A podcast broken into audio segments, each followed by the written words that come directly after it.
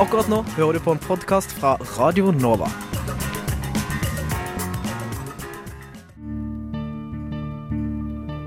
For et dette, for det hadde vært siden eh, Noam Chomsky etablerte den greina lingvistikken som, som jeg befinner meg i. Vi håper jo på bredest mulig oppslutning om SV, og jeg tror at det eneste som kan få norsk løsner båndene mellom staten og kirka, og forhåpentligvis fører til tettere bånd mellom kirka og folk. Så hadde de gjort som andre fjøringsbevegelser i verden, hadde de helt legitimt, kanskje, tatt i våpen. Og, og så direkte skildring av menneskeskjebner tror jeg ikke vi har sett eh, i noen annen nyhetsdekning av noen annen terroraksjon. Det er såpass store forskjeller mellom den kalde krigen, hvor det var to supermakter som sto mot hverandre, eh, og den situasjonen her i dag. Du hører på samfunns- og aktualitetsmagasinet Opplysningen 99,3 på Radio Nova. Opplysningen 99,3 på Radio Nova. Fattigdommen i Norge øker. Hvordan ser den norske fattigdommen ut, og hva kommer den av? Gutter mobber med spark og slag, mens jenter er mer utspekulerte. Det har vi lenge hørt, men stemmer det egentlig? Hvordan påvirker EØS-avtalen Norge, og trenger vi den egentlig? Vi kjører debatt med Europabevegelsen og Senterpartiet. I kjølvannet av utbygginger, klimaendringer og forurensning ligger ødelagte naturområder. Men vi kan faktisk fikse dem. I dag spør vi om naturrestaurering er en løsning. En feriestasjon har en innvirkning på den enkelte nordmanns selvfølelse og identitet. De sliter, og de har ikke råd til å betale eh, markedspriser for, for gassen. Akkurat nå hører du på Radio Novas samfunns- og aktualitetsmagasin, Opplysningen 99,3.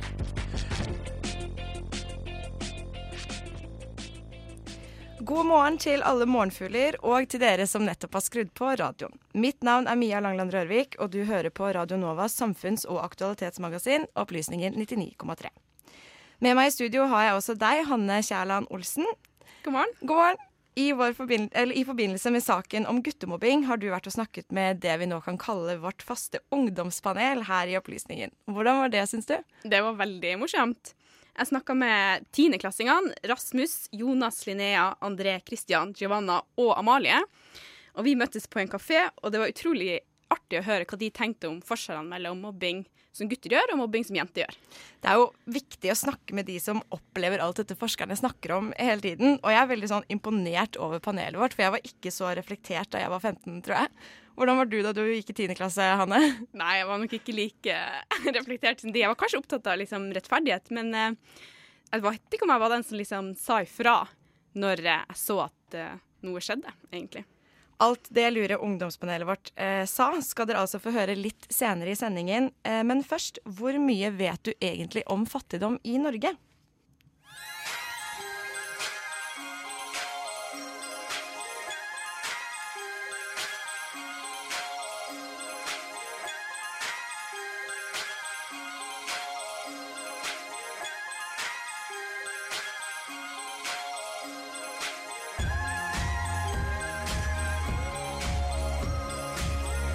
Siden 1982 har Radio Nova gitt deg favorittmusikken din.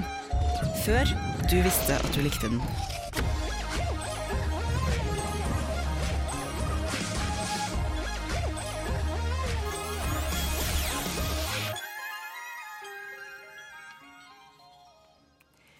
Til tross for at Norge er et av de landene i verden med minst forskjeller i levekår, øker forskjellene i Norge. Og siden 2011 har andelen fattige økt. Dette viser en rapport fra Nav som kom ut rett før jul i fjor. Til tross for at vi har en av verdens mest utviklede velferdsstater, får vi ikke med oss alle i velstandsveksten. Men hvordan ser egentlig den norske fattigdommen ut, og hva kommer den av? For å belyse disse spørsmålene har jeg med meg deg, Ivan Hasløff. Velkommen. Takk. Du er førsteamanuensis ved Høgskolen i Oslo og forsker bl.a. på velferd og fattigdom. Og først og fremst, hvordan definerer man fattigdom i, i Norge? Det øh, er et øh, godt spørsmål, fordi øh, selve begrepet fattigdom er omstridt, og øh, der er øh, diskussioner om kan vi tale om fattigdom i det hele tatt. Sånn at i Norge der er det almindeligt faktisk at tale om lavindsigt. Øh, og øh, Statistisk Centralbyrå, de øh, gør derop øh, utviklingen i andelen av øh, husholdninger, som, som har en, en indtægt, som ligger under 60 av af medianindtægten i samfunnet, og kaller seg den gruppe, som, som har en inntekt som er under 60 av af medianindtægten. Det, det er altså en lavinntektsgruppe. Og der brygger man, der, øhm, der legger man så opp av det, som er EU sin fattigdomsdefinition. Øh, EU øh, kalder det så for at være i risiko for at være fattig. Så det, øh, det vil si at hvis du har en insekt som ligger under 60% medianinsekten, medianindtægten, så, så er du i, i en risiko for å, å være fattig. Og øh, for å, å prøve å, å, kredse inn mer nøyaktig den gruppe, så, så er man så også optaget av, man er opptatt av om det er en vedvarende øh, situation. Øh, så Statistisk Centralbyrå, de øh, ser øh, ofte på gruppen, som har vært i, i denne her lavindtægt øh, i, i tre år sammenhengende. Og der er det, at, at man ser en, en økning, øh, slik at vi nå er øh, oppe på, på, på 9 procent af, af, af norske husholdninger, som, som altså i en treårig periode har, har vært i en, en lavindtægtssituation. Hva er dynamikkene bak fattigdommen i Norge? Hvorfor er det sånn at vi har 9% som er lavinntektsfamilier eller lavinntektsgrupper i Norge? Uh, det, det er jo selvfølgelig også et, et sammensatt uh, bilde. Komplekst spørsmål. Uh, men, men det er klart at, at vi har jo haft en, en, en finanskrise som, som riktig nok ikke ramte Norge så hårdt som, som i, i andre land, men, men som også har haft betydning for, for ledighetssituasjonen og Øh, så, så, så det har, har, det har forklaret en del. Så, så ser man jo også i tallene, at, at innvandring øh, forklarer ganske mye av, av, av økningen i, øh, i, i, fattige i, i Norge. En, en, en tredje faktor, det er øh, også litt ændret familiemønstre med, med flere enslige og flere enslige forældre, som også forklarer noe av den økningen. Um, hvorfor det er sikkert også et komplekst spørsmål, det her. Eh, men hvorfor tror du det er slik at fattigdommen øker i Norge? Altså at liksom, det er en vedvarende økning? Ja, det, det har jo med, med, med, med de øh, faktorer å, å, gjøre, blant annet. Øh, og så er det jo også, at vi er i et, et samfunn som, som endrer seg, og vi får en, en større øh, sosial ulikhet, øh, som også har, å gjøre med mellem den, den anden ende af spektret, ikke sant? at du også får, får flere øh, ganske velhavende. Øh, og det har jo det har jo noget med nogle, selvfølgelig også nogle politiske ændringer med deregulering af finansmarkedet, deregulering af boligmarkedet, deregulering af energimarkedet osv. på, på 90-tallet. Det har at gøre med en, en overgang til det, man kalder et, et postindustrielt samfunn, hvor, hvor flere de jobber med i tjenesteyrker, hvor der stilles noen andre typer krav til kompetence. Øh, du må ha højere utdanning for å, å, å kunne, kunne være med i, i det arbeidslivet, og, og en del også uformelle kompetencer. Øh, du har en økt betydning af arv, altså at, at folk er arver fra, fra sine forældre, øh, og, og det, det er jo også med til at, at, at skabe en, en, en ulighed. Du har flere, øhm, du har sådan nogle ændringer i måden, vi, vi danner par på, at i dag der er det mere almindeligt, at, at du har to højtuddannede, som, som, som danner et, et par, hvor, hvor tidligere så var det kanskje bare øh, øh, sige, lægen og sygeplejersken, eller en øh, så, så du, og så i den anden ende af, af, af det spektrum, så, så har du altså også en økning i, i enslige øh, forældre, og det er også kanskje særligt blandt, blandt lavdøde uddannede. Så, så, der, så der, der er mange tunge samfunnsprosesser, og, og, og globalisering og, og innvandring har, ganske mye å si også. Så det er mange ulike komponenter som gjør at fattigdommen øker i Norge.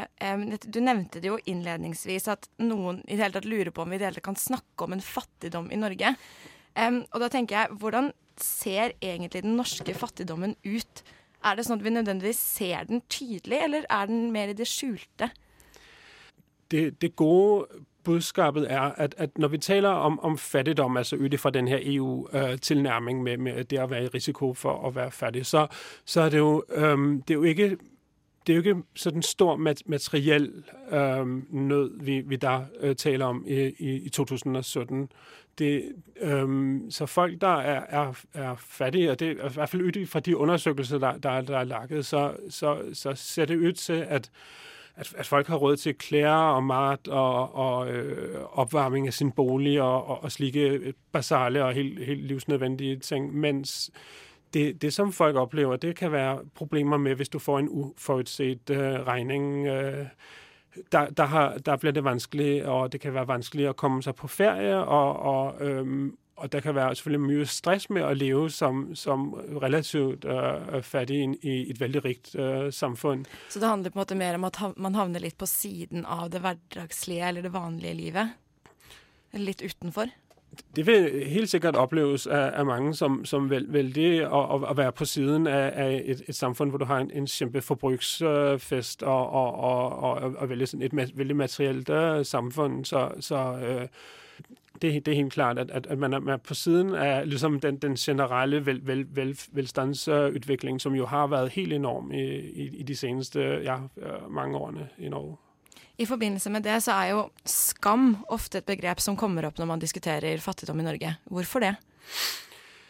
Ja, ikke sant. Det, det jo, har jo nok øh, med, med, å gjøre at, at, at man, man, man, ser på seg selv som en som, som der ikke er, er lykkes nettopp i et, et, et samfunn hvor, hvor, hvor, folk flest øh, øh, klarer seg godt. Og også at man, man også øh, kanskje ser på seg selv som en som, som ikke liksom har, har fått tatt øh, utdanning, øh, har, har liksom gjort de, de riktige valgene. Og, øhm, og, og, der er jo også en, en viss sånn individualisering av, av, av, av når, vi, når, vi, taler om, øhm, om, om, disse tingene, at, at øh, at, at, at, du kan fremstå som, som lite, lite vellykket, og, og, og at, at liksom, det er et samfunn som, som legger til rette på, på, mange måter. Du har øh, gratis utdanning og, og så videre, men, men du, du klarer det ikke å, nå opp. Og det vi kanskje der overser, det er vi, vi er jo et, et konkurransesamfunn. Altså, selv om vi har verdens beste velferdsstat, så, så har vi jo et et samfunn med veldig høy konkurranse på jobber, på utdanning, på bolig og på, egentlig på alle områder.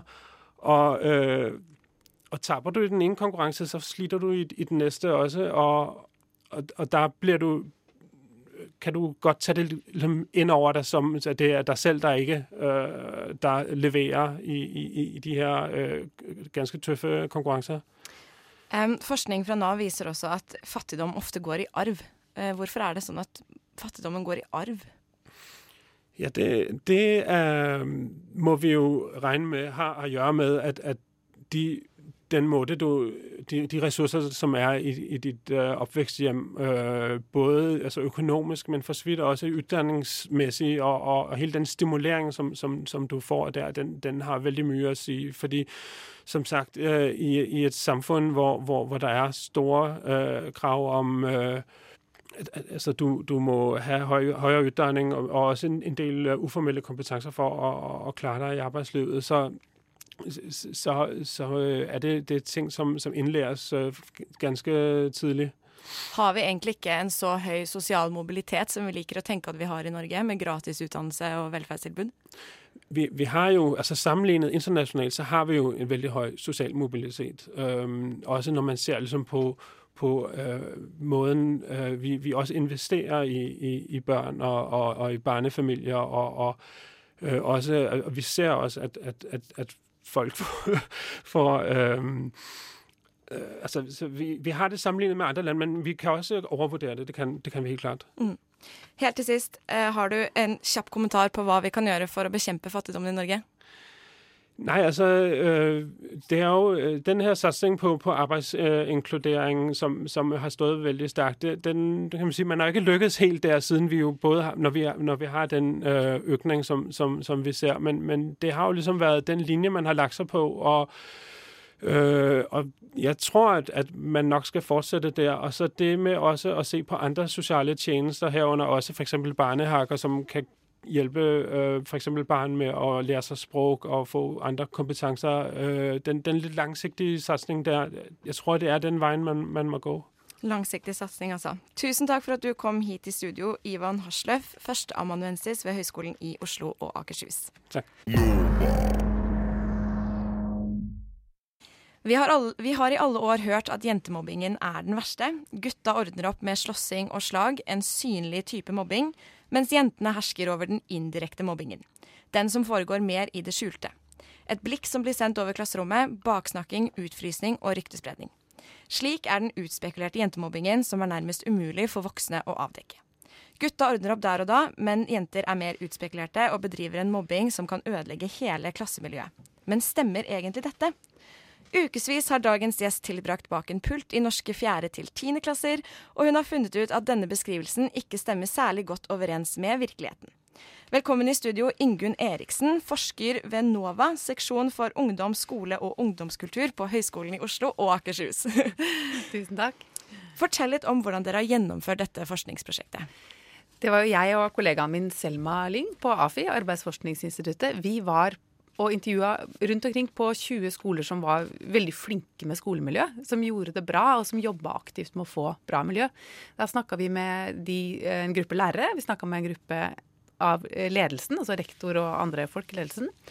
Og på fire av de skolene så var vi eh, og satt i klasserommet i noen uker. Og der intervju, intervjua vi også elevene.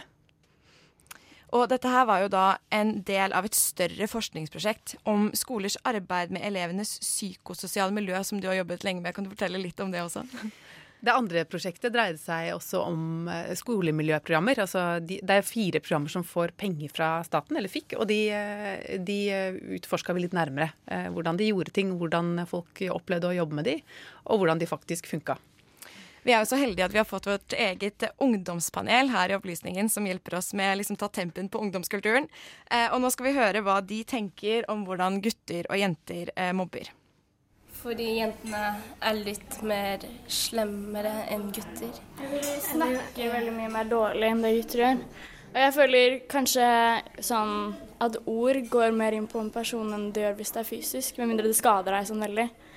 Men sånn, jenter har en tendens til å liksom slenge noen kommentarer som kanskje ikke er nødvendigvis vondt ment, men fortsatt personen kan oppleve veldig vondt, kanskje fordi du er usikker på noe eller noe sånt. Og så kan hun påvirke mange av hennes venner over å ikke henge sammen med deg og utestenge deg litt mer. Jeg tror kanskje gutter kanskje er litt raskere, som en liten dytt i gangen, liksom. Mens jenter kanskje holder på litt lenger og er litt mer sånn Ja, det kan det gå litt over tid, mens gutter er litt mer sånn ferdig med det litt fort, på en måte. Jeg vet ikke. Føler du? det? Jeg tenker egentlig at jenter på en måte mobber Eller hvis man skal kalle det mobbing, da, men mer sånn at man snakker negativt om hverandre og ikke på en måte At man egentlig bare snakker litt mer sånn dritt om hverandre, og at det kommer mer sånn naturlig blant jenter. da. Eh, at det ikke er noe sånn At mange ikke tenker over det, men at det faktisk på en måte kan gå ordentlig inn på en person. da. Ja, Som vi hørte her, så mener jo altså de at gutter og jenter mobber på forskjellig måte. Eh, og denne antakelsen om at gutters mobbing er direkte og jenters mobbing foregår indirekte, gjorde jo også dere før dere satte i gang med forskningsprosjektet. Ja, og det er jo ikke egentlig så rart. For, for det første så er det jo på en måte mye sant i det. Og veldig mye av forskningen altså i, fra gammelt av, når altså mobbeforskningen kom, så var det jo bare fokus på gutter i begynnelsen. Nesten. Og det var jo ikke så rart, for det var jo den som var synlig, på, og som, som, du sa i begynnelsen. Og så på 90-tallet så ble det liksom en del av en måte, den altså, feministiske bevegelsen nærmest. Så kom det mye oppmerksomhet på at ja, men jenter de, de mobber de òg, men de gjør det på en litt annen måte. Og da kom det jo kjempemye oppmerksomhet på det. Veldig positivt òg, for da fikk vi tiltak. Vi fikk eh, vi fikk filmer. jeg vet ikke om, Har du sett den Mean Girls-filmen? Ja, en den har jeg sett. kultfilm ikke sant? som Ja. er bygd faktisk på en Sånn, omtrent en forskningsbok da, som dreier seg om jentemobbing. Så, som starta et ras av fokus på det og tiltakene i skolen. Så det har vært veldig mye oppmerksomhet på jentemobbing, og at det har noen kjennetegn. F.eks. at det er skjult til en viss grad, eller i hvert fall skjult når det skjer. Og det dreier seg om type altså, utstøting og ryktespredning, altså negative rykter. da. Og, og snakke ned og baksnakk og liksom hersketeknikker og, Og sånne ikke så ting. mye ikke sånn rett på slåssing, Og ikke liksom. så mye rett på slåssing. Og ikke, og, eller rett på altså, skjelle ut folk eller altså, drittslenging. For det, det er jo det som Det er også altså, direkte mobbing. er også ting man sier. Altså verbal eller fysisk, da. Så, så det har vært veldig delt oppmerksomhet på kjønn, og det er jo på mange måter sant. Og da vi gikk ut i disse skolene og snakka med alle disse folka, så var det jo det vi hørte. Men det, det som var litt rart, var at vi, vi spurte aldri lærerne eller ledelsen om kjønn på den måten, men det var det som dukka opp denne historien hele tiden. ikke sant? Dere omtaler jo det dere kaller relasjonelle krenkelser og mobbing i forskningsrapporten. Eh, Hva innebærer det? Ja, Det er jo nettopp det. ikke sant? Det der med utestenging, eh, ryktespredning og baksnakking. Og, og sånne former som er, som er eh, både skjult, men det ordet relasjonell er jo litt misvisende. fordi man kan jo si at all mobbing er jo på en eller annen måte relasjonell. Men det er jo det det kalles i, i eh, Det kommer av, av begrepet relasjonell aggresjon. Eh, som man tenker på at er mer i, i nære relasjoner, da. enn, eh, ja. Hva fant dere ut av? Driver gutter også med relasjonell mobbing, selv om man kanskje ikke skulle tro det? Nei, altså det, det vi fant ut, var jo litt sånn fordi eh, altså det, det, det var en, en måte vi snakka med de elevene på som, som gjorde at det kom fram allikevel. Og også fordi vi var i klasserommene. Fordi jeg må bare si først at Når vi snakka med elevene om sånn som dere har snakka med de ungdommene vi hørte i panelet i stad, så snakka jo de om altså Når man får beskjed om å definere guttemobbing og jentemobbing, så er det jo det man hører. Men vi spurte også elevene om deres helt konkrete opplevelser og hvordan de hadde det i klassen. Og da fortalte jo guttene veldig mye om, om ting som vi sånn i ettertid tenkte på som ja, men i all verden, dette her er jo De fortalte om utestenging, de fortalte om ryktespredning, og de fortalte om alle disse tingene som jenter også opplever. Eh, Men de forsto det ikke som mobbing. Eh, Og de snakka ikke om det som mobbing, men de snakka allikevel om at de følte seg som ubetydelige, de følte seg som dritt. De opplevde seg Særlig gutter som tidligere har blitt mobba, ikke sant.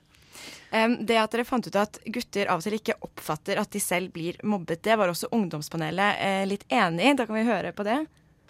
Jo, for sånn Jeg tror vel det er først i tenårene at mobbingen blir litt likere. For jeg husker sånn på barneskolen og sånn, da, da var det ikke like mye sånn eh, drittslenging og sånn eh, blant gutter. Da var det mer bare sånn hvis du var uenig, så var det en liten slåsskamp, og så var du ferdig med det. Men jeg vil tro da litt sånn senere årene, fra, fra kanskje sånn syvende eller noe sånt, Uh, og oppover der, så blir det litt likere mobbing, plaging, erting blant uh, jenter og gutter. Men jeg vil tro jenter begynner litt tidligere med den uh, Det å fryse ut og baksnakke og sånn enn det gutter gjør. Så kanskje da jenter mer har forstått det, da, i hvert fall på ungdomsskolen. Da, så gutter sliter mer med å oppfatte det fordi de ikke har blitt sånn vært i det miljøet like lenge som jenter. Godt poeng. Det høres jo korrekt ut. Eh, Det var litt det jeg sa om at gutter på en måte tenker ja, som sagt, de tenker ikke på alt som mobbing. Fordi det skjer på en måte ting hele tiden som bare er tull. Og hvis det faktisk menes, da, da er det ikke så lett å oppfatte det. Det kan hende at den, noen jenter føler det også, at eh, de ikke vet at de blir mobbet. Når de blir mobbet. Men. Men hvis de ikke vet at de blir mobbet, og ikke føler seg mobbet, så kan man ikke kalle det mobbing. De jo, altså, mobbing er jo den som selv føler seg mobbet, som kan definere det som mobbing. Det er ingen andre som kan si at hun blir mobbet hvis hun føler at hun ikke blir mobbet. Hun føler at hun har det bra, så er jo alt bare bra. Så ja. Ja, Da hørte vi også at de lurer litt på om det egentlig er mobbing hvis man ikke oppfatter det sånn selv. Hva tenker du om det? Jeg syns han eh, siste typen her hadde et veldig godt poeng. Altså Hvis ikke du opplever deg som mobba, da er du ikke mobba. Og det er jo ikke det som det er jo ikke, Problemet er jo ikke liksom hvis og de har blitt utestengt, men de vet ikke. Da er det ikke, liksom, da er det ikke noe problem. Men problemet for disse guttene var at de følte seg som dritt. Liksom. De var på bånn av hierarkiet, og de opplevde det som et problem ved seg selv, men ikke et problem med klassemiljøet. Og da er det et problem. Hvis du tenker at jeg er så upopulær og ukul, at, og det er min egen feil, men ikke forstår det som mobbing, fordi problemet er at eller Poenget med mobbing og det mobbebegrepet vi har i dag, og den lovgivning, eh, lovgivningen vi har i skolen i dag, er at at det er ikke elevens egen feil, det er noe skolen skal gjøre noe med. Mm. Så da blir det et problem. Men han, eh, han som kommenterte her i stad, han eh, hadde jo traff jo spikeren på huet, fordi at det er den subjektive opplevelsen av mobbing som, som, som utgjør at, om, om det er mobbing eller ikke. Men hvorfor tror du det er sånn at gutter ikke har ikke skjønner selv at de blir utsatt for mobbing? Det dreier seg jo veldig mye om hvordan man erfarer og, og forteller om sine erfaringer. Da? Hva, hva det er lov for gutter å si også. En, liksom, Å vise sårbarhet og sånn. Men jeg må bare si eh, et eh, viktig poeng at dette her er ikke bare det at vi har snakka med noen få gutter. Det er også svære sånn survey-undersøkelser til mange, mange, mange barn og ungdom som måler som ikke spør har du blitt mobba på den og den måten, eller har du blitt skjult mobba, men de spør helt konkret har du blitt, opplevd å blitt utestengt. Har du opplevd å, å, at det har blitt spredt rykter om deg, f.eks.? Og da finner noen, ikke alle, men noen finner at gutter opplever det vel så mye som jenter. Og at gutter gjør det, altså er mobbere på den måten, vel så mye som jenter. Hvorfor tror du det er sånn at denne relasjonelle mobbingen som vi snakker om nå, at gutters relasjonelle mobbing har havnet under radaren såpass lenge? Ja, Det dreier seg jo uh, litt om det som vi snakka om i stad, at gutter ikke så lett kan snakke om det på mange måter. Men også litt uh, altså Det er jo litt sånn uh, ulempen med alt det fokuset som har vært på jentemobbing som har kommet inn i skolen i dag. Det har vært masse fokus på det, og veldig mye bra med det. Men det har også tatt litt av oppmerksomheten rundt at dette her skjer også blant gutter, men på en langt mer altså Det er mer skjult enn den skjulte jentemobbingen. Også fordi at sånn drama mellom jenter ofte blir veldig dramatisk. Det er litt sånn greie med jenter at de tar gjerne liksom scenen i klasserommet med sine dramaer, som kan være like forferdelig å oppleve, men det kan også være lettere å fortelle det til læreren, for et publikum. Men du sier at den er mer skjult. Er det da sånn at Kan man sette i gang de samme tiltakene mot guttemobbing som er sånn relasjonell som med jentemobbing? Kan man liksom be bekjempe det på samme måte? Oi, det var et godt spørsmål. Eh, det håper jeg da. Og det tror jeg jo. Mm. Altså, det er jo ikke noe spesielt kjønna med de tiltakene. Eh, men det er én ting som, som, er forskjellig, er vel den derre eh, dramatiske siden av jentemobbingen som ofte mye, altså tar mye fokus som guttemobbing. Altså, guttene løper jo ofte ikke så mye til læreren med disse typer problemer. Og da kan det være vanskeligere å få tak i, rett og slett. Så man Men det hjelper jo ekstra kanskje bevisste. Ja, beklager. Det hjelper jo sånn bevisst, det hjelper kanskje å vite da, at dette også foregår blant gutter, og så kan læreren kanskje være litt mer bevisst på å spørre, kanskje. Mm. Um, vi har jo da spurt vårt kjære ungdomspanel uh, hva, hvordan de tenker at de selv kan bekjempe mobbing i skolen. Så da, tar vi en, uh, hører vi på det. Eh, Jeg tror også vi kan gripe inn litt mer. Eh, Jeg har jo selv opplevd at eh, noen i skolegården mobber en annen. Slår han og kaster han ned i bakken og tråkker på han og sånn. Og det er, det er ingen som tør å gjøre noe med det. Det er bare å gripe inn og få han til å stoppe, dytte dem vekk eller et eller annet sånt. Så han stakkars gutten som ble presset ned i bakken, og sånn, jeg dyttet barnet bort, og så gikk det liksom. Det er bare å gripe inn. Men jeg tror ikke det er så mange som tør å gjøre det. Altså, det er jo viktig også å informere Eller hvis en person føler seg mobbet, da, og man vet hvem som på en måte er mobberen eller mobberne, så er det jo viktig å informere dem om at det de gjør, er galt. For det er jo ikke sikkert at alle ungdommer vet at det de gjør, faktisk er veldig galt, og at de på en måte Hvis de selv da har det vondt hjemme, at det er en av grunnene til at de på en måte tar ut aggresjon på andre, da, at de skal få hjelp, de òg. Der hørte vi jo ungdomspanelets forslag om hva de selv kan gjøre for å bekjempe eh, mobbing. Eh, men sånn avslutningsvis, eh, hvordan tror du norske skoler kan bli bedre til å gjøre det samme? Bekjempe mobbing. Sånn generelt så dreier det seg utrolig mye om bevissthet og kunnskap. altså Økt kompetanse. Vi, altså Den undersøkelsen vår var jo i skoler som i utgangspunktet var veldig flinke og veldig bevisste.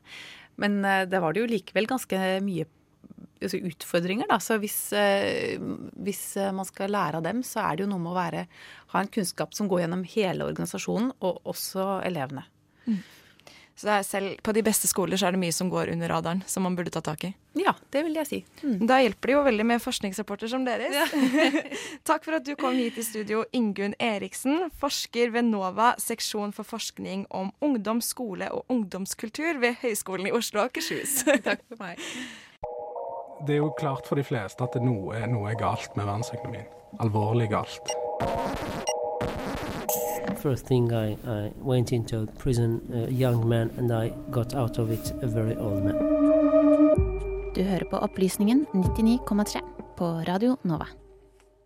EØS-avtalen trådte i kraft i 1994. Den er den mest omfattende og forpliktende avtalen Norge noen gang har inngått, og da er det ikke rart at den mottar mye oppmerksomhet. De siste ukene har EØS-avtalen på nytt blitt et omdiskutert tema, og den er gjenstand for mange sterke og motstridende meninger. Og Med meg i studio i dag har jeg to stykker som er ganske så uenige. og Det er da Per Martin Sandtrøen. Du er utenriks- og forsvarspolitisk rådgiver for Senterpartiet. Og stortingskandidat for Hedmark Senterparti. Velkommen. Takk for det. Og så har vi også Irene Johansen, eh, stortingsrepresentant for Arbeiderpartiet og styremedlem i Europabevegelsen. Velkommen til deg også. Eh, da begynner vi med deg, eh, Martin. Hvorfor vil Senterpartiet at Norge skal ut av EØS-avtalen? Skal vi prøve å holde det litt kort, for dette kan du sikkert snakke om i timevis. Ja, det er helt sant. Eh, vi i Senterpartiet er veldig opptatt av at hvem som skal styre Norge og utviklinga av Norge, det skal være det norske folk. Og det skal de gjøre gjennom å velge sine representanter til Stortinget. Og da er det Stortinget som skal utforme lover og regler, det som styrer utviklinga av landet vårt. Vi mener at det er de folkevalgte i Norge som skal styre hvilken distriktspolitikk vi har, hva for noen politikk vi har for eierskapet til naturressursene våre, hvilke arbeidslivsregler vi skal ha, hva for noe alkoholpolitikk vi skal ha. Altså, kort fortalt, dem som skal styre utviklinga i Norge, det må være dem som norske folk har valgt. Og dem, hvis man ikke er fornøyd, må man kunne avsette dem med valg. Det må være helt tydelig at dem som har ansvar for utviklinga i Norge, det må være norske folkevalgte, ikke byråkrater eller jurister i Brussel, som ikke står direkte til ansvar overfor folket. Irene Johansen, du er vel du er jo eh, som en del av Europabevegelsen opptatt av at EØS-avtalen er veldig viktig for Norge, og vil ikke at vi skal trekke oss ut. Hvorfor er EØS-avtalen så viktig for oss å beholde? Så, um, vi, jo, vi, inngikk denne avtalen uh, fordi vi uh, var redd for å bli satt utenfor det felles markedet i Europa i 92. Eh, så det var veldig viktig for oss og for norsk næringsliv å få tilgang på felles marked. I tillegg så syns jeg det er veldig viktig å trekke fram at um, til grunn for EØS-avtalen så ligger uh, fri etablering for personer til å flytte til et annet land, eh, ta utdanning der, eh, jobb, eh, bosette seg der, forutsatt at det ikke ligger til byrde for det landet. Det er en gode som vi har, og som europeerne har til å komme hit. vi har fri flyt, som det heter, av kapital, tjenester og varer. Og det gir fordeler for vårt næringsliv, som er veldig viktig. Så det her er viktig for Norge, norsk velferdssamfunn. Uh, i forhold til eh, å få solgt våre varer og bygge vårt samfunn, tenker jeg. Per Martin, du har en kommentar til dette? Ja, altså Norge vi hadde jo eh, en frihandelsavtale med EU helt siden 70-tallet. Og den handelsavtalen er ikke sagt opp. vi i Senterpartiet er veldig tydelige på at vi trenger ikke EØS-avtalen for å kunne selge våre varer og tjenester til EU. Altså EU har jo inngått over 200 handelsavtaler med land over hele verden. så det, det er helt åpenbart Norge har alltid handla med andre land. Vi vil fortsette å handle med andre land, men man trenger ikke en EØS-avtale for å gjøre det. Altså EØS-avtalen det er jo egentlig et særtilfelle i verden hvor du har én part, altså EU, som lager lover og regler, og så blir det innført hos den andre parten, altså Norge, Liechtenstein og Island. Eh, som sagt har jo EU inngått handelsavtaler med land over hele verden. EU handler jo med land over hele verden. Eh, og vi har allerede en handelsavtale med EU. Så vi, vi mener at man trenger ikke EØS-avtalen for å selge varer og tjenester. Og man trenger heller ikke EØS-avtalen for å kunne reise til Europa. Irene, fins det noen andre realistiske alternativer enn EØS-avtalen? Ja, men Det tør ikke jeg å spå om, for det er det ingen andre som veit heller. Selv om de påstår det, eh, at det er et realistisk alternativ. Altså, Vi inngikk jo EØS-avtalen i 92 fordi altså Selv om vi hadde en handelsavtale da, fordi den ikke var god nok. Vi var som sagt redd for å bli satt utenfor et felles marked som var i ferd med å etablere seg i Europa. Og derfor så inngikk vi eh, EØS-avtalen. Det er et krav fra EU um, at uh, vi skal legge til grunn det samme som ligger til grunn for det felles markedet i Europa, nemlig de fire friheter, som det heter. Eh, de fire friheter er ikke en tvangstrøye, det er friheter. Eh, Norge eh, har nasjonal råderett fortsatt over alle sider av det her. Vi må i Stortinget vedta de lovene som kommer fra EU.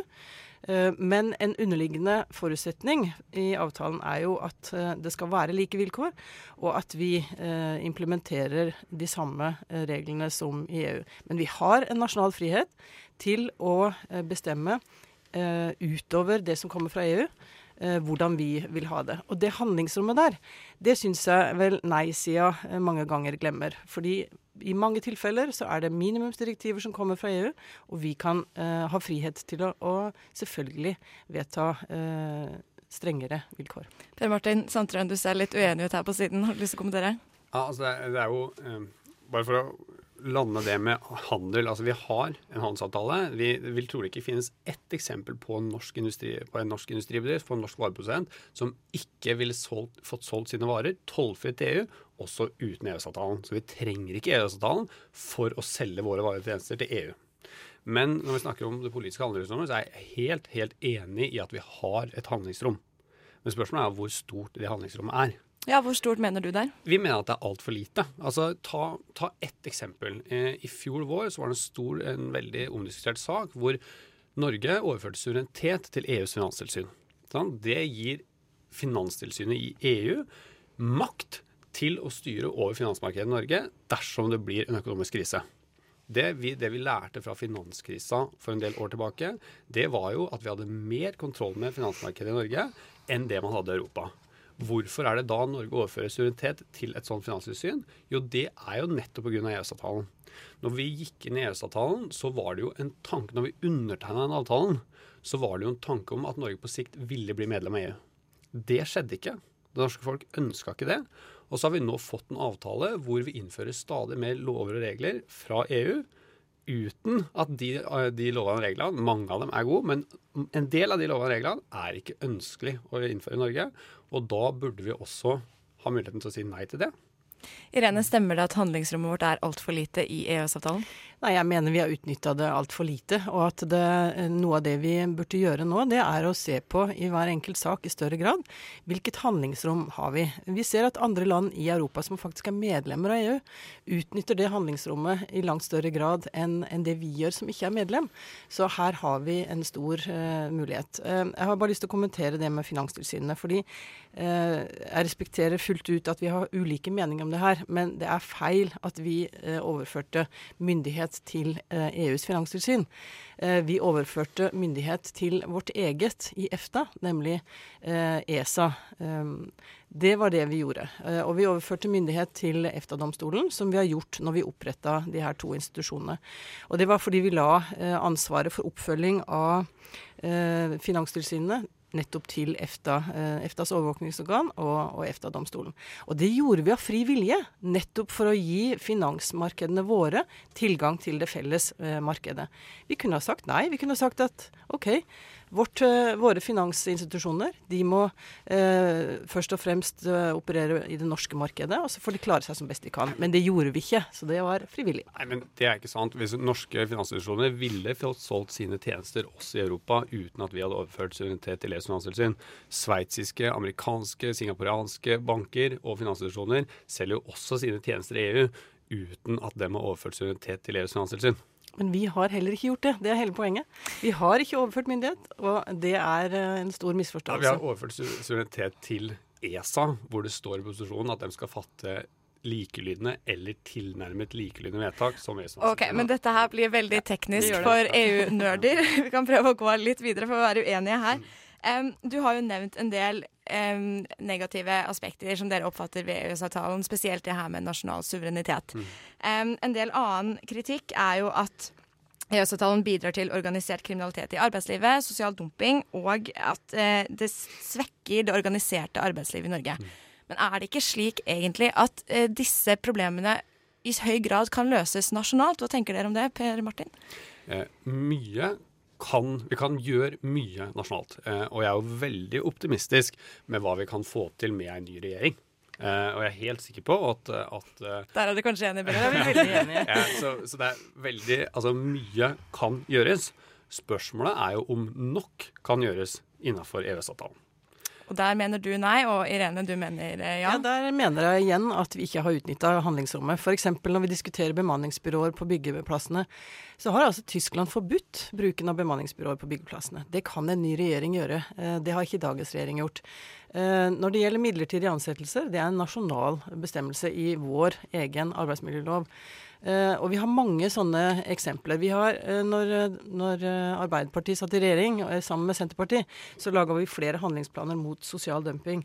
Og jeg opplever at veldig mange av de problemene vi ser på arbeidsmarkedet i dag, det er nasjonalt styrt. Sånn at det er politisk vilje det står på mange ganger. Og her må vi kunne gå inn og se på handlingsrommet.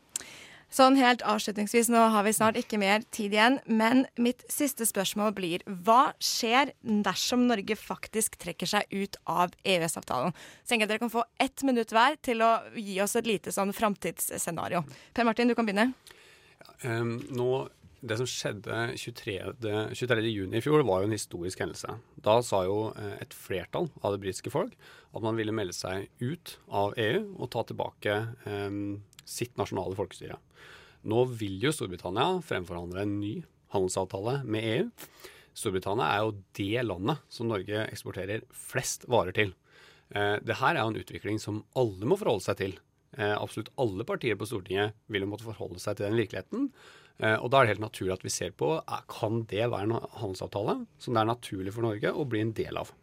Eh, altså, så jeg tror uansett om man er for eller imot EØS-avtalen, så vil det skje en del ting de nærmeste årene som man alle må forholde seg til. Og da er jo vi i Senterpartiet veldig opptatt av at man må ha en offensiv holdning til det. Og se på hvordan kan vi bevare mest mulig av vårt nasjonale folkestyre. Da var ditt minutt ute. Irene Johansen, hva blir konsekvensene hvis vi sier ha det bra til EØS-avtalen? Ja, altså, Vi har jo et nasjonalt folkestyre i dag som kan beslutte at vi skal si opp EØS-avtalen. Selvfølgelig har vi det. Og, og, hvis vi beslutter det, så vil det samme skje her som i Storbritannia. At uh, avtalen blir uh, satt ut av drift. Og uh, det vi ser nå, ikke umiddelbart, men over tid, avhengig av hva slags avtale de får, selvfølgelig, men det, det som vil skje, er at grensene lukker seg. Vi får større problemer med å, å selge våre varer til det felles markedet. I hvert fall fram til vi får uh, framforhandla en avtale. Om den blir like god som i dag, det er det ingen som veit. Uh, til grunn for det felles markedet ligger de felles friheter. Hvis det er det man er imot, så tror, jeg ikke, uh, så tror jeg vi får en kjempeutfordring i forhold til å få en ny handelsavtale. Den gamle, det er en gammel avtale. Den gjelder ikke i dag. Det er jeg helt overbevist om. Den må forhandles opp. Det er litt ulike meninger her, og dere får jo en jobb å gjøre hvis dere ender opp på Stortinget sammen til høsten. Eh, tusen takk for at dere stilte til debatt, Per Martin Sandtrøen fra Senterpartiet og Irene Johansen fra Arbeiderpartiet og Europabevegelsen. Tusen takk for at du kom. Radio Nova FM 99,3 og radionova.no. Naturen ødelegges i et rasende tempo. I dag forsvinner, mellom 100 og 1000 ganger, I dag forsvinner artene mellom 100 og 1000 ganger raskere enn det som er naturlig. Utbygginger, klimaendringer og forurensning truer norsk natur. Tilbake ligger ødelagte økosystemer. Men er det egentlig så farlig om vi ødelegger den myra? Vi kan jo bare restaurere den. Med oss i dag for å snakke om dette har vi deg, Anne Breistein, naturforvalter og rådgiver for miljøorganisasjonen Sabima. Velkommen. Takk. Dere i Sabima jobber for å stanse tapet av naturmangfold, men også for å fikse den naturen som allerede er blitt ødelagt. Og dette kalles da naturrestaurering. Eh, hva er egentlig det? Naturrestaurering er enkelt og greit å forsøke å fikse den ødelagte naturen. Eh, og når jeg sier enkelt og greit, så var det litt ironisk ment, fordi det er en utrolig omfattende og vanskelig oppgave. Det handler om å gjøre tiltak for å gjør, forsøke å forhindre at de utbyggingene og ødeleggingene som er gjort, blir minst mulig skadelige. Og også i tilfeller også forsøke å gjenskape den ødelagte naturen og få den tilbake til det eksisterende. Det handler både om å forsøke å få reintrodusert arter som har vært der før, til å få hele økosystemer til å fungere. Og eh, internasjonalt så er det et mål om at man skal restaurere 15% av de ødelagte økosystemene. Eh, og Sabima har, faktisk, har jobbet veldig aktivt med dette her, og vi fikk til da i fjor om at eh, og regjeringen har satt som mål om at Norge skal restaurere 15% av de ødelagte eh, økosystemene innen 2025. Eh, naturrestaurering kan jo foregå på ganske mange forskjellige måter. Og en måte som kanskje mange har lagt merke til eller sett, er jo etter at en vei er bygget, f.eks. Eh, da er jo gjerne et helt område gravd opp eller sprengt bort. Hvordan går man da fram for å restaurere naturen, naturen hvis vi skal liksom inn på noen konkrete eksempler? Ja, det er bra. det som er viktig, er jo at utbyggeren har laget en plan for at den skal restaurere før han begynner inngrepet. For det som er viktig, er at man må ta vare på de lagene av jord som lå der før man begynner å grave opp veien. Så det de gjør da, er at da forsøker de da å ta av jordlaget, og så legger de det gjerne da på matter, og legger det bort. Og når eh, inngrepet er over, så forsøker de da også å legge det tilbake. Og i tillegg også, så kanskje da jord går tapt og lignende, så må man kanskje plante frø eh, for å få tilbake engene eller få tilbake naturen. Og da, da kommer vi inn på en litt sånn problemstilling som er vanskelig. For da er det liksom ikke bare å gå på Hageland og kjøpe en pose med frø, men da må du faktisk ha de artene som lever der. Akkurat de samme artene som var der fra før av. Ja, så å si. Så det er et vanskelig prosjekt. Ja, veldig vanskelig prosjekt. Eh, Det er jo sånn at Norge, sånn som du sa, eh, faktisk driver med en god del naturrestaurering. Har du noen eksempler på noen gode norske naturrestaureringsprosjekter som gjør deg glad? Ja, jeg har, jeg har eksempler. Dessverre så har Norge kommet ganske kort i restaureringsbiten. I internasjonalt så har de drevet med restaurering veldig mye lenger enn i Norge. Og det handler jo gjerne om at vi har en, mye mer natur og har hatt en idé om at eh, det ikke trengs å gjøres på samme måte. Um, av sånne kjempestore prosjekter som er satt i gang, så er det f.eks. på Hjerken på Dovre.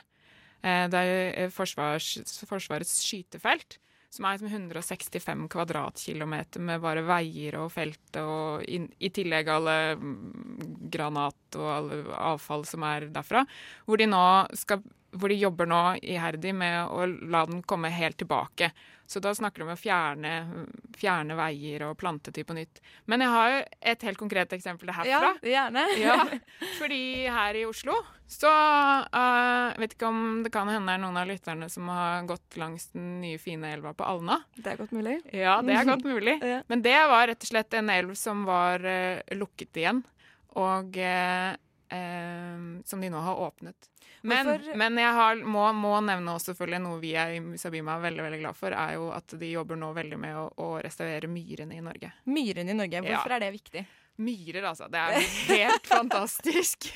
Jeg kan ikke, da, hopp, nå har du meg gående, for å si det sånn.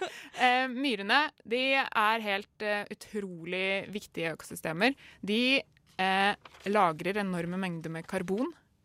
Eh, og de er flomdempere, for de fungerer som en svamp. Så når det regner, så tar de til seg vann, og når det er tørke, så, så, pass, så gir de vann ut i naturen. Og, eh, eh, og myrene når vi grav, de I årene som har gått, så, altså, så har det blitt dyrket utrolig mye myr. Myra har blitt, Det tas ut torv til å bruke i, jord, i jordproduktene våre. Og eh, det er eh, utrolig viktig nå. Nå driver de nå i storstilt skala og prøver å, å tette igjen disse myrene, sånn at vi kanskje kan få lagra litt mer karbon og hindra mer flom. Eh, hvis du klarer kvart, jeg kjenner du blir engasjert her. Ja, hvis du klarer kvart å forklare bare hvordan er det man egentlig restaurerer en myr, hva gjør man da? Man tetter igjen, fordi myrene, myrene blir grøfta sånn at vannet skulle renne ut. Mm. Så da tetter man igjen. Man legger kvist og kvast og tømmer og jord, og forsøker da å, å få myra til å igjen få lov til å liksom lagre på vannet. Og det er ganske tidkrevende også å restaurere en myr. Veldig tidkrevende. Ja, veldig tidkrevende. Hvor mye, hvor, lang, hvor mye tid snakker vi? Vi snakker mange, mange år. Og det er Altså, en myr i seg selv vokser da én millimeter i året. Så det- liksom fem, en fem meter uh, dyp myr, den er 5000 år gammel. Så det er ikke bare å restaurere er myr Nei, det er ikke bare å restaurere myr. Og det er veldig mye natur som bare ikke er mulig å, å virkelig få tilbake. Men hvis vi vet hvordan vi skal restaurere natur, er det da egentlig så viktig hvis det blir ødelagt i utgangspunktet? Ah, det føler jeg at argumentasjonen det nå. Det, det er utrolig viktig at vi unngår I all hovedsak så må vi unngå å ødelegge natur. Og restaurering er bare et tiltak for at vi kan fikse litt på den skaden som allerede er gjort. Kjenner nå at jeg er litt mer interessert i myr enn det jeg var før du kom inn hit. Veldig bra. Eh, Tiden eh, løper fra oss her i studio, men tusen takk for at du kom, Anne Breistein, naturforvalter og rådgiver for miljøorganisasjonen Sabima.